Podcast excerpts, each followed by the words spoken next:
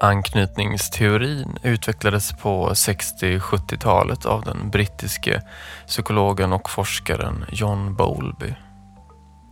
Hans teori har haft stor påverkan på det socialpsykologiska fältet, både kliniskt och i forskning.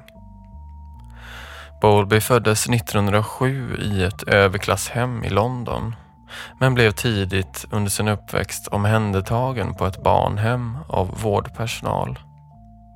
Hans erfarenheter kom att påverka hela yrkeslivet. Så vad intresserade han sig för och vilken teori kom han att utveckla?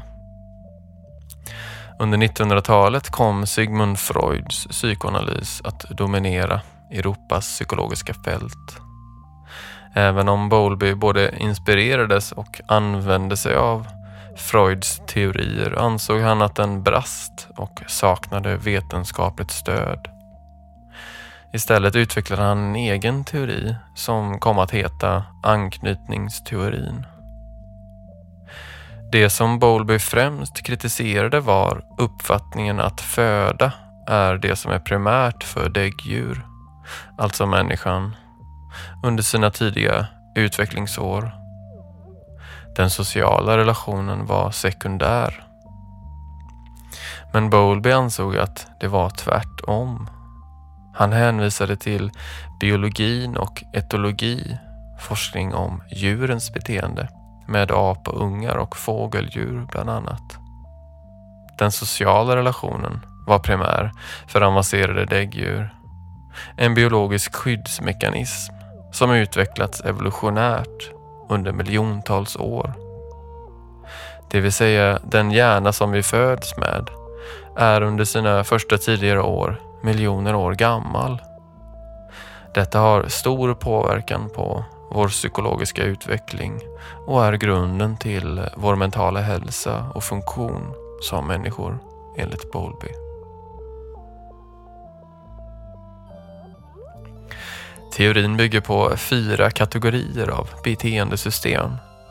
Under våra tidiga år utvecklar vi i samspel med våra omhändertagare sociala strategier som fortsätter in i vårt vuxna liv. Strategisystemet påverkar hur vi emotionellt relaterar till andra människor i vår närhet. Det formar vår representerande bild av oss själva och andra människor som kommer nära. Dess funktion varierar beroende på hur vårt känsloliv och behov har mötts tillsammans med det som tagit hand om oss under våra tidiga år. Med hjälp av många stora empiriska forskningsexperiment började Bowlby se beteendestrukturella mönster och delade till slut upp dessa i fyra anknytningskategorier.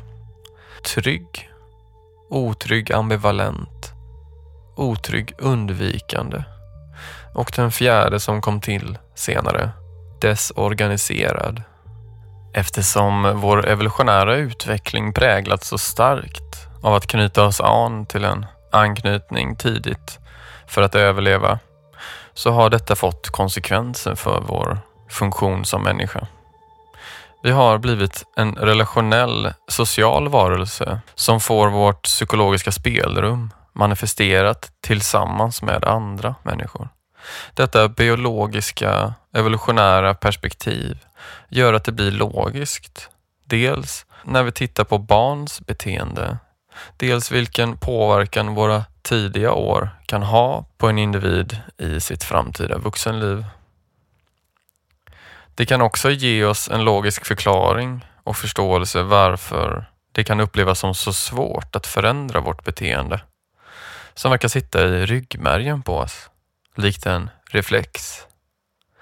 Eftersom anknytningspersonen är den enda individ, eller de individer om det är fler, vi har att lita oss på som barn tvingas vi förlita oss på personen oavsett om den känns trygg eller otrygg. Detta gör att samspelet blir mycket komplicerat när en anknytningsgestalt dels är en trygg famn men samtidigt en opolitlig och farlig sådan. I ett sådant scenario blir det dubbelriktade systemet korrumperat. Vi söker oss bort från det som är farligt till det som är tryggt? Vad händer när det som är farligt även är vår trygga bas? Vad händer när det här är samma typ av plats? Brister denna logik utvecklas systemet i en skev riktning, tyvärr. Och individens signaler för fara och trygghet blandas ihop. Priset är ett dysfunktionellt regleringssystem för våra rädslor och vår trygghet i närspel med andra.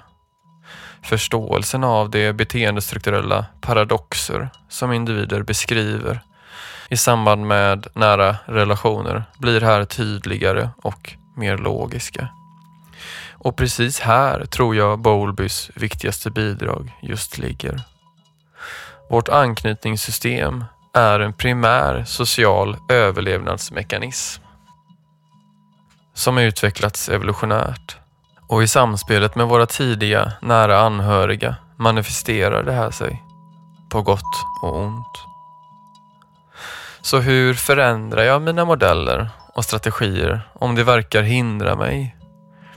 Genom nya erfarenheter där våra inre föreställningar och emotionella register skrivs om.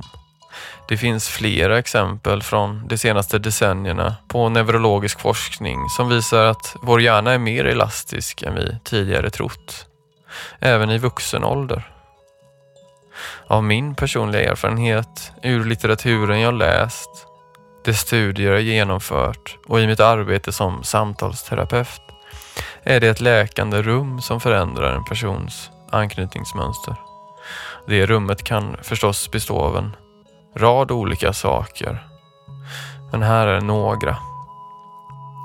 Självkännedom och undermedvetna föreställningar kommer upp till ytan och bearbetas tillsammans med ett stöd.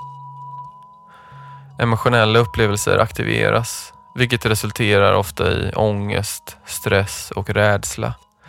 Men detta görs i en trygg miljö. Olika föreställningar och minnen ersätts med nya sådana. Synapser binds därmed. Processen fortsätter utanför rummet. Detta gör att de neurologiska banorna etableras ytterligare genom andra erfarenheter och så vidare. Symptomen sänks eller upphör därmed successivt. Det var allt om anknytningsteori och John Bowlby för den här gången. Jag heter Gustav Lund och eh, du kan läsa mer om mitt arbete på min hemsida www.socialpsykologiskvärld.se. Där finns också telefonnummer och e-postadresser om du vill komma i kontakt med mig. Vi finns också på Facebook och Soundcloud. Sök bara på namnet. Tack så mycket. Ha det fint.